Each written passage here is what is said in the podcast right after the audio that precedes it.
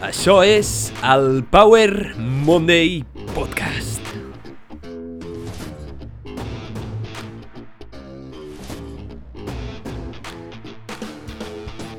Benvinguts al Power Monday Podcast, sóc en Pau, el teu apassionat de salut, inspiració i ciència, i estic molt agraït de que estiguis escoltant aquest episodi. Hi ha una cosa que quasi tothom fa, un hàbit que pràcticament el practica tothom, però que no es parla obertament i porta cert estigma, tot i això, que tothom el practiqui. Estic parlant de la masturbació i l'ús de pornografia. I és que en aquest episodi intentaré aportar una mica de llum en aquest regne. Et portaré el que he après en la meva recerca i experiència. Veurem si és bo per la salut, si és bo pel rendiment físic i mental, què podem dir de l'ús de la pornografia i el moviment que està triomfant a internet, el NoFap. Veurem algun estudi i conceptes biològics bàsics, com sempre, que et poden ajudar a entendre què passa i personalitzar aquesta informació per al teu propi benefici. Es tracta d'un tema extens, complicat i realment poc estudiat del qual no sóc expert, però espero aportar una mica més de visió, més de llum i espero que aquest episodi t'ajudi realment. Com sempre, t'agrairé moltíssim que compartissis aquest contingut amb alguna persona que creguis que es pot beneficiar de tota la informació en el Power Monday Podcast. Recorda que em pots posar seguir si t'agrada el contingut a Spotify, Google Podcast i també em pots trobar a Instagram Power Monday Show o a la web de micromecenatge La Xeta. I dit això, t'agraeixo moltíssim que estiguis escoltant aquest episodi i anem a començar. Els sentiments de plaer són comportaments humans normals que experimentem no només els adults, sinó fins i tot durant la infància. Aquests sentiments poden convertir-se en un comportament habitual en forma de masturbació. I és que la masturbació o autoestimulació als genitals és un comportament humà molt comú. S'ha observat que es produeix en el 90-95% dels homes i el 50-70% de les dones durant la seva vida, tot i que aquesta, en les dones, està augmentant bastant en els últims anys. Potser has sentit a parlar de la masturbació amb unes altres paraules. La masturbació masculina també es pot dir fer-se una palla, fer punta al llapis, fer volar l'estel, comptar vigues, fer plorar el cíclop, tocar les amb bomba, pentinar a la serp, regular el telescopi, esmolar l'espasa o el 5 contra 1. Per l'altra banda, les dones també es masturben i es pot definir la masturbació com tocar l'arpa, cascar-se-la, fer-se dits, moure la fitxa de parxís, fer de DJ, comptar bitllets, fer l'Spiderman, explorar la cova dels ratolins, tocar la campana, matar-los a punyalades i buscar a Nemo. Sí, veiem que hi ha molts sinònims i segur que me n'he deixat moltíssims per referir a aquest comportament que és molt comú en els humans. Generalment s'accepta que la masturbació és una part normal del comportament sexual de l'ésser humà i es practica en totes les edats i fins i tot s'ha registrat en l'úter. Sí, hi ha gent que se la cascava a ell mateix allà dins de la panxa de la mare. És una mica estrany. Tot i que aquest tipus d'estimulació varia en funció de l'edat. Hi ha una part biològica de l'ésser humà que no es pot negar i aquest comportament s'observa també en altres espècies de mamífers. En els monos, en els ximpanzés i en els goril·les s'ha observat repetides vegades.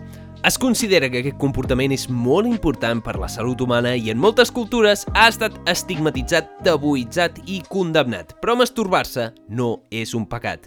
Tot i això, aquesta herència cultural que tenim en molts països, la culpa o vergonya per la masturbació és molt comuna i descriu un fenomen en, en el qual els individus que experimenten un desequilibri entre els seus estàndards morals i socials i el seu comportament fa que es trobin malament, sentin culpables. Per la meva sorpresa durant la meva recerca per aquest episodi, m'he donat que, tot i la importància de la salut sexual i la masturbació per als humans, existeix molt poca literatura dels efectes de la freqüència i el temps de masturbació per la nostra salut en general. I, sobretot, sovint trobem correlacions molt difuminades per moltes variables, perquè metodològicament és molt difícil i poc interessant a nivell econòmic estudiar què passa si algú es masturba o no es masturba i és molt difícil posar grups controls i controlar aquestes variables. Així que realment no existeixen molt estudis i te'n presentaré alguns, hi han revisions, hi han estudis observacionals, però a l'hora de veure estudis d'intervenció i veure estudis a llarg termini, realment no tenim gaire informació. Però per què és important parlar de la masturbació i la pornografia? Perquè és un hàbit que tots practiquem regularment i que pot tenir certs efectes en funció de com es faci. I és que hem de poder parlar obertament d'una pràctica tan comuna i natural i alhora potencialment negativa en alguns casos que afecta a tota la societat. La gran majoria d'estudis ens ensenyen que la masturbació és un comportament sexual segur i no s'ha informat fins ara de cap efecte nociu real de la masturbació per si sola. Tot i així, a internet està creixent un gran moviment conegut com a NoFap, moviment que promou l'abstinència de la masturbació i està augmentant moltíssim. De fet, el subreddit NoFap i en aquest lloc web té actualment uns 800.000 seguidors i s'acosten als milions de seguidors.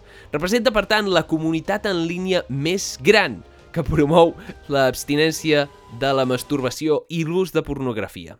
La pregunta potser seria per què coi t'has d'abstenir-te de masturbar-te per la teva salut si realment la ciència no observa problemes? Bé, un dels problemes és que la ciència en aquest sentit és bastant dolenta i ens basem molt en l'evidència anecdòtica. El cas és que aquesta comunitat de NoFap, on hi ha molts seguidors i molts practicants, assegura que abstenir-te de la pornografia i la masturbació pot permetre enfortir la teva salut mental i física, tornar a guanyar la confiança en tu mateix, augmentar la teva productivitat, augmentar els nivells d'energia i millorar les teves interaccions socials i romàntiques. Hi ha fins i tot qui diu que et pot tornar en un superhome, superdona, capaç de fer moltes coses.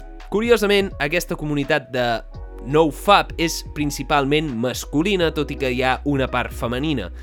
Però potser no és una coincidència. I és que la majoria de gent que identifica amb la culpabilitat de la masturbació i que consumeix pornografia de manera no adequada solen ser homes.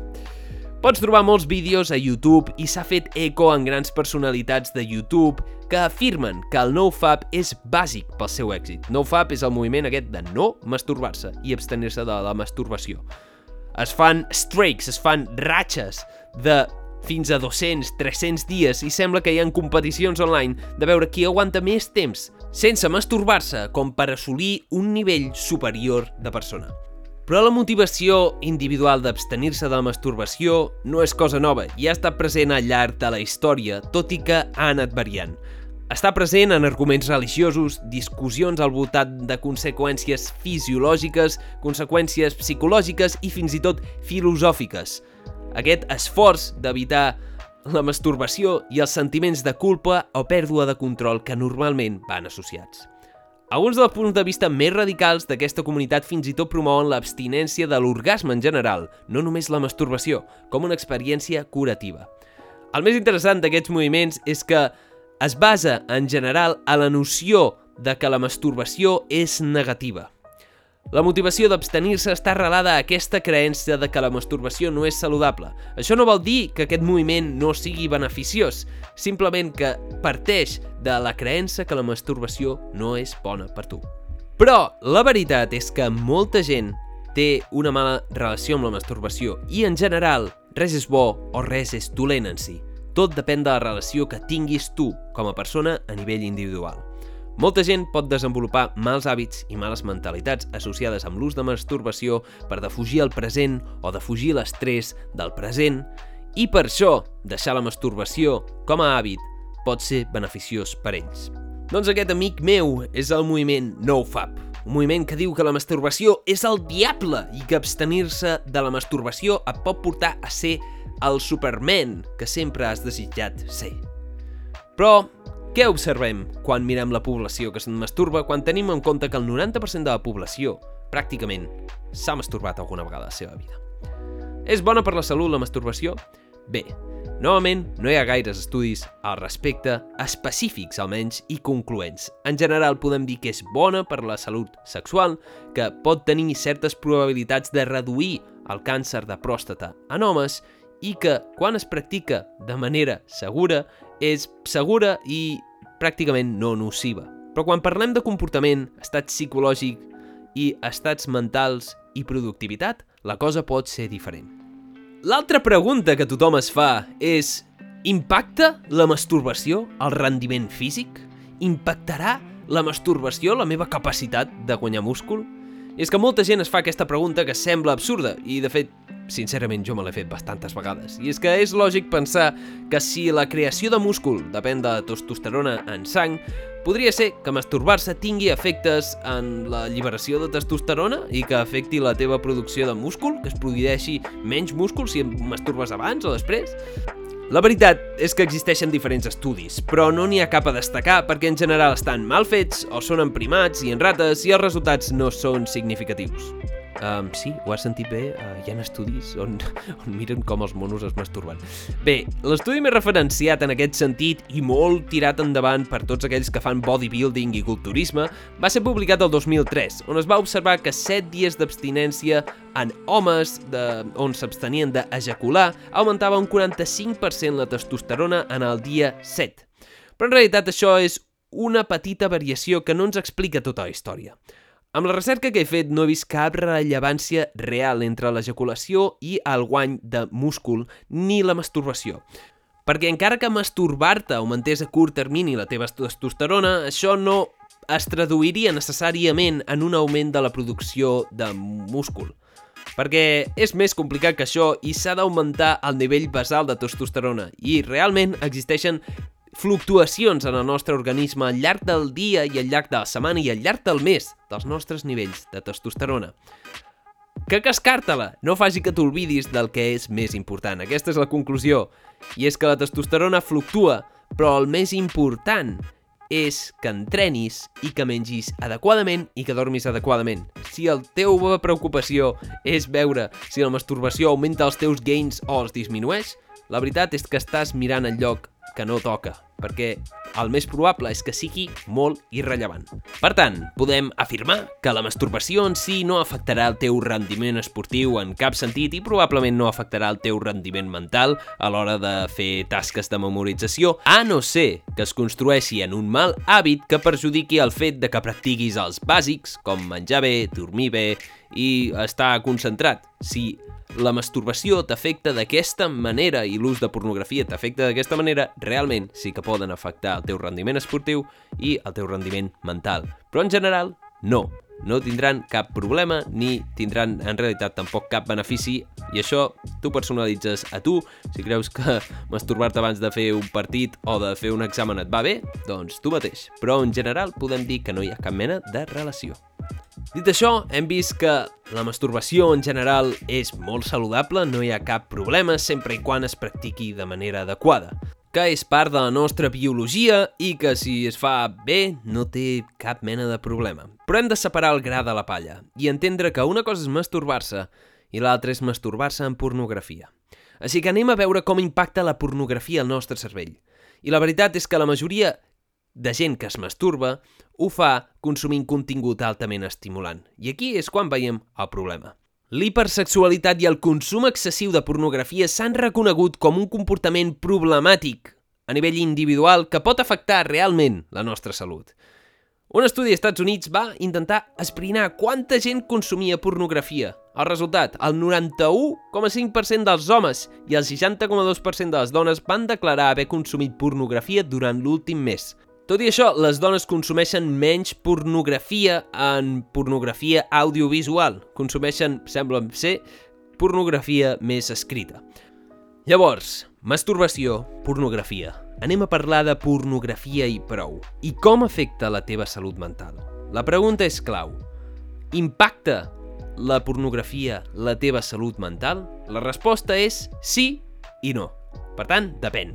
La resposta ràpida és que afecta de manera diferent a diferents persones, però realment existeixen persones que l'addicció a la pornografia i la masturbació i el sexe pot ser una addicció molt debilitant que afecta negativament a bastanta gent. Gent que no pot dormir, que no pot treballar, que es relaciona i té problemes d'ansietat, depressió i fins i tot augmenta la probabilitat de suïcidi. Dit això, això només passa probablement en el 10% de la població hi ha una gran quantitat de persones per les quals no serà un gran què, un gran problema consumir pornografia, però passa el mateix amb altres drogues, com l'alcohol, la marihuana o el tabac, els quals a molts no els afecta negativament i no tenen un gran impacte a la seva vida i no acaben sent alcohòlics. Dit això, existeix un límit entre acabar sent un addicte a la pornografia i consumir pornografia de manera regular.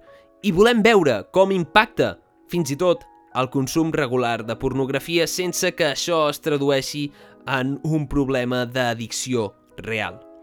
Com saps, m'encanta analitzar les coses des d'un punt de vista biològic i evolutiu, on com a espècie biològicament hem canviat molt poc en els últims milers d'anys i les mateixes forces que determinaven el nostre comportament fa milers d'anys encara les tenim avui. Tenim solucions noves per problemes ancestrals, com en aquest cas la reproducció i el sexe. I és que la pornografia ultraestimulant ha aparegut amb el creixement d'internet només en els últims 30 anys. Per tant, és una cosa nova en la que ens estem enfrontant com a espècie que altera dramàticament el nostre comportament i pot tenir efectes negatius, així com positius també. Així que anem a veure què passa dins d'aquest nostre cervell quan consumim pornografia. Primer de tot, quan consumim pornografia, el que provoca és l'alliberació de dopamina i a curt termini de testosterona a través de la observació de sexe sense interaccionar amb cap altre humà. Com bé saps, la dopamina és un neurotransmissor altament formador d'hàbits en el nostre cervell i actua construint els mecanismes de recompensa i noves connexions neuronals. Recorda que el cervell jove és significativament més plàstic i està disposat a crear més aquestes connexions i és més susceptible a la dopamina. Amb la pornografia, en 10 minuts pots haver estat exposat visualment a més parelles sexuals de les que han experimentat els teus avantpassats en tota la seva vida. I això és altament estimulant. Però, a més, ens trobem que la pornografia cada vegada estimula més la lliberació de dopamina. I és que una imatge val més que mil paraules, però un vídeo val més que un milió d'imatges. La pornografia és altament estimulant. Un vídeo estimula moltíssim aquesta alliberació i recorda que la majoria de pornografia, a més a més, està editada, modificada i treballen persones amb trets sexuals magnificats que encara distorsiona més la realitat i causa que s'alliberi més dopamina. Però alliberar constantment dopamina avui sabem que és perjudicial per nosaltres. Aquesta estimulació constant causa certa tolerància a la dopamina i cada vegada necessitem més estimulació per rebre les mateixes sensacions. Per tant, el llindar és cada vegada més alt i això ens pot afectar en altres àrees de la vida, perquè alterem els nostres mecanismes de recompensa.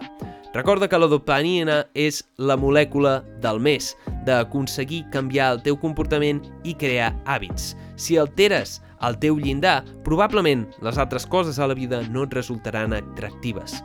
A mesura que anem caient dins de l'espiral del consum de pornografia, aquesta alta estimulació no només pels vídeos, sinó per l'elevada quantitat de parelles sexuals que reconeix el nostre cos i la cerca constant de tota aquesta novetat, perquè cada vegada veus nous vídeos, noves parelles sexuals, noves estimulacions. Això, que és altament estimulant per al teu cervell de mico, amb aquest software que tenim des de fa mil·lennis d'anys, pot fins i tot causar que acabis consumint contingut que no s'alinea amb els teus valors i pot alterar el teu comportament en aquesta i en moltes altres àrees de la vida. I aquest és un dels principals principis d'aquesta comunitat de NoFap.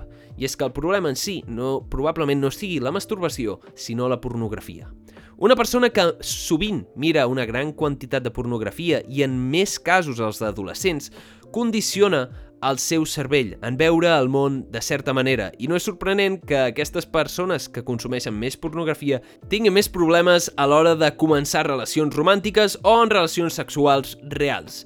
I és que un dels problemes és aquesta desvinculació de la pornografia amb la realitat i es creen uns principis que en comparació amb les cites i amb les relacions reals, on ets vulnerable, on amb dues parts han de negociar, on ha d'haver un consentiment, s'ha de comunicar i s'ha de transmetre i s'ha de posar d'acord dues persones, um, és completament diferent la pornografia i la masturbació del sexe. Quan es crea aquest ideal, probablement és quan hi ha un problema. Però jo no sóc cap mena d'expert, simplement intento portar una mica de consciència en aquest tema.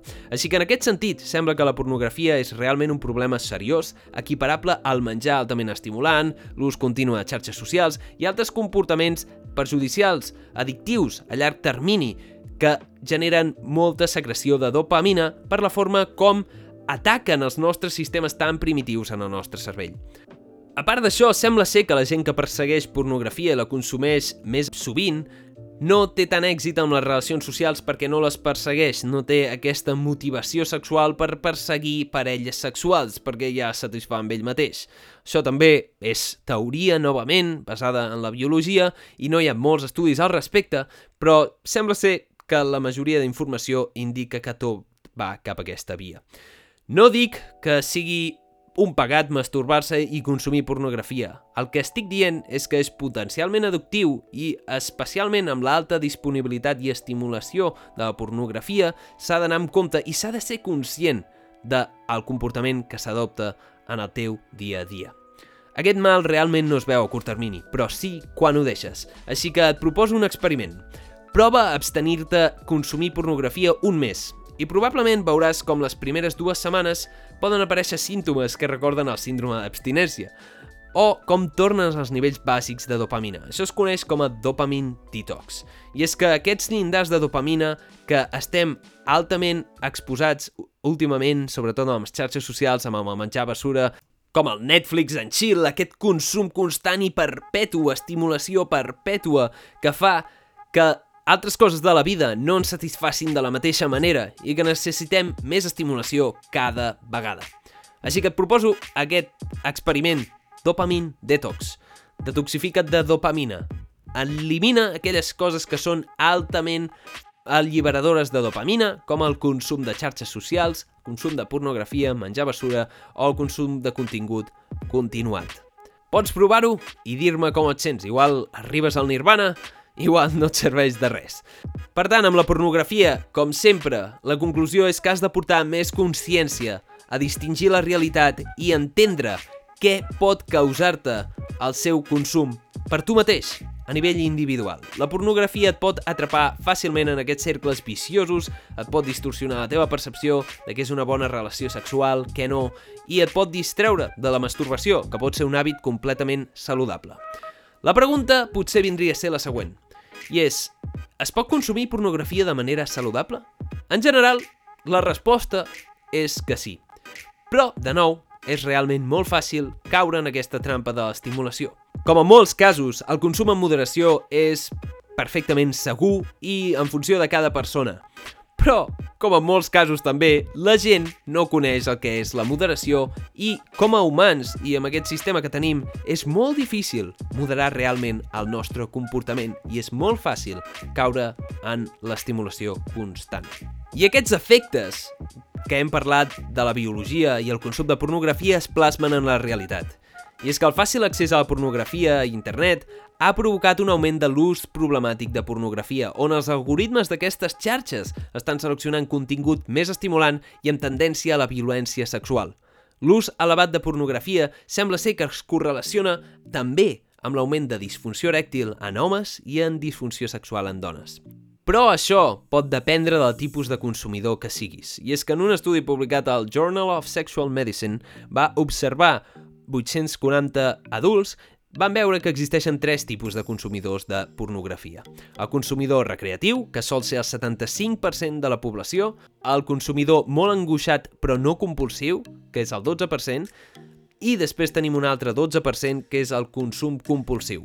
Els usuaris recreatius en realitat van reportar una satisfacció sexual més alta i una menor compulsivitat, l'habitació i disfunció sexual, mentre que els usuaris amb un perfil compulsiu presentaven una satisfacció i disfunció sexual molt més baixa i una major compulsivitat i habitació de comportaments sexuals. Es calcula que la majoria de consumidors de pornografia utilitzen 25 minuts de pornografia a la setmana, amb una sessió aproximada de 10 a 12 minuts. Així que un dels altres beneficis que promouen els de NoFap és dir que si no et masturbes tindràs més temps a la teva vida um, veuràs com d'aquests 10-20 minuts que tardes en masturbar-te, no sé quan tardaràs tu, um, podries invertir en altres coses. Però bé, això ja t'ho deixo a la teva elecció què vols fer amb el teu temps, però que sàpigues que pot acabar sent bastant temps en funció de quantes vegades ho facis a la setmana. La veritat és que existeixen trastorns de comportament sexual compulsiu i comportament hipersexual, que són trastorns que es consideren mentals que poden afectar la salut i les relacions socials. És una preocupació excessiva per fantasies, impulsos o comportaments socials que són molt difícils de controlar o que causen angoixa o que t'afecten negativament a la teva salut, la teva feina i les teves relacions o altres parts de la teva vida. I sembla ser que la pornografia augmenta el risc de patir aquests tipus de comportaments d'aquests trastorns, es podria dir, i tot. Però repeteixo que no sóc un expert en aquest tema i això és simplement la meva experiència i la informació que he extret en la meva recerca. Així que tenim novament a provar l'abstinència de la pornografia, veure com et senta a tu mateix. Prova uns dies, introspecciona, pregunta't realment si la pornografia està tenint un efecte negatiu per la teva salut o no, si la masturbació l'estàs fent de manera adequada o no. Explora, i recorda que ets un experiment amb potes i ets únic i repetible i tot depèn de tu, de què facis amb aquesta informació. Ara ve quan comparteixo la meva experiència amb tu. I ja estic notant l'estigma, ja estic notant el judici, però considero que la vulnerabilitat és una virtut i que reconèixer els nostres defectes del passat ens fa més fort. I per això, ara mateix, donaré un pas al front i m'exposaré a tu. Des de l'adolescència he consumit pornografia, i és que des de ben petit ja notava aquesta elevada estimulació en el meu cervell amb aquest tipus de contingut i sembla que no ho podia evitar.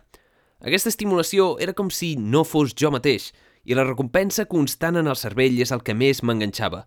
Podia entrar en una espiral de búsqueda constant fins trobar alguna cosa que em satisfés més encara. Fins que al final, quan acabava, sentia vergonya de mi mateix, com si no pogués controlar aquests impulsos. La veritat és que jo mateix he experimentat aquesta sensació de la dopamina i augmentar el seu llindar. I és que com més gran em feia, més havia de consumir i havia de consumir un tipus de contingut més concret, més personalitzat, que m'estimulés més. En realitat, no és que tingui o hagi tingut una addicció a la pornografia i a la masturbació, però considero que durant un temps em va afectar negativament i és que tenia una mala relació, sobretot quan l'utilitzava per defugir el present i intentar suprimir les meves inseguretats, que irònicament augmentaven. I és que això feia que no intentés o no m'atrevís a sortir a buscar relacions amb altres noies més enllà de l'adolescència i generava inseguretats, sensació de culpa i vergonya a nivell personal. La veritat, si t'he de ser honest, és que durant un temps vaig estar en el moviment NoFap i realment em va ajudar bastant. Em va ajudar a intentar trencar aquest hàbit i aprendre com trencar-lo. Vaig fer raig de 30 dies i de més dies fins i tot. Ho recordo com bons moments, però alhora em va fonamentar també una mala relació amb la masturbació. Veure-la com una cosa negativa, perjudicial, quan en realitat és neutra. I en els últims anys m'he donat d'una cosa, i és que l'estimulació per la pornografia sí que té efectes negatius per mi mateix. La veritat és que la satisfacció que em dona aquest consum no és el físic o el sexual, és una satisfacció molt dopaminèrgica i és una sensació completament diferent a la que experimentes quan et masturbes simplement sense afegir-hi res més. En aquests últims anys he millorat molt i em sento molt millor quan no consumeixo pornografia. I aquesta és la meva experiència. La teva experiència pot ser igual, semblant, diferent, però l'important és que tots intentem portar una mica de consciència i obrir-nos per compartir aquest fet que practica el 90% de la població. Així que intentem trencar una mica l'estigma en això i intentem veure què és bo, què és dolent per cada individu. En conclusió, tot sembla que la masturbació amb moderació és completament saludable. Pot ajudar a explorar-te a nivell sexual, a descobrir-te, és segur i no t'afectarà ni el teu rendiment físic ni mental, ni per bé o per malament, i probablement tot dependrà de tu i la freqüència amb la que ho facis. Si ho fas amb una freqüència que no és saludable, tu mateix ho reconeixeràs. Tot i això, la pornografia i la masturbació juntes són potencialment perjudicials i comporten riscos, sobretot en adolescents, on es crea la construcció de la persona i els hàbits, amb aquesta elevada producció de dopamina. I, personalment, crec que és millor masturbar-se poc i sense pornografia. Evitar la pornografia o fer-ne un consum conscient és probablement el més encertat. I aquesta és la meva opinió i experiència, però el més important és què en penses tu?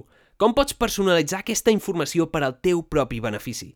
Creus que tens un problema amb la masturbació o la pornografia? Explora amb tu mateix, tots som un experiment amb potes i et recordo, prova aquest experiment d'abstenir-te de pornografia almenys durant un mes i digue'm quins són els resultats. Creus que tens una bona relació amb aquests hàbits o creus que t'estan enfonsant? Portem una mica de llum, una mica de consciència, siguem honestos i parlem d'això que no es parla habitualment, tot i que és un dels hàbits més practicats per l'ésser humà. Moltíssimes gràcies, això és tot per aquest episodi. Moltíssimes gràcies per haver escoltat aquest episodi. Espero que t'hagi agradat molt o t'hagi aportat una mica de valor. Recorda, si us plau, si t'ha agradat aquest episodi, comparteix-lo amb una persona que creguis que el pot ajudar o beneficiar. També recorda posar-me seguir en la plataforma en la que estiguis, ja sigui Spotify, ja sigui Google Podcast, i també em pots trobar a Power Monday Show a Instagram, on em pots enviar dubtes, comentaris i incitar al debat. Què creus de la pornografia? Què creus de la masturbació? És bo? És dolent? Com l'utilitzes tu per viure una millor vida? Et vull recordar també que també em pots trobar a La Xeta, una web de micromecenatge on pots donar suport a aquest tipus de contingut en català i ajudar-me a que produeixi més i més sovint per ajudar a viure millor gràcies a la inspiració, la ciència i el coneixement. Per si ningú t'ho ha dit encara, vull recordar-te que importes, que ets estimat, que ets suficient i que ara és un bon moment per prendre acció i per intentar viure la teva millor vida. Així que, com sempre, et desitjo una setmana èpica, plena de creixement personal, que trobis allò que més estimes i ens veurem en el pròxim episodi. Ciao! Uh! Vaig a cascar-me-la. Ah, és broma. Recorda que pots trobar tots els enllaços i estudis en la descripció d'aquest episodi, així com links a plataformes per donar suport a aquest contingut. Moltíssimes gràcies.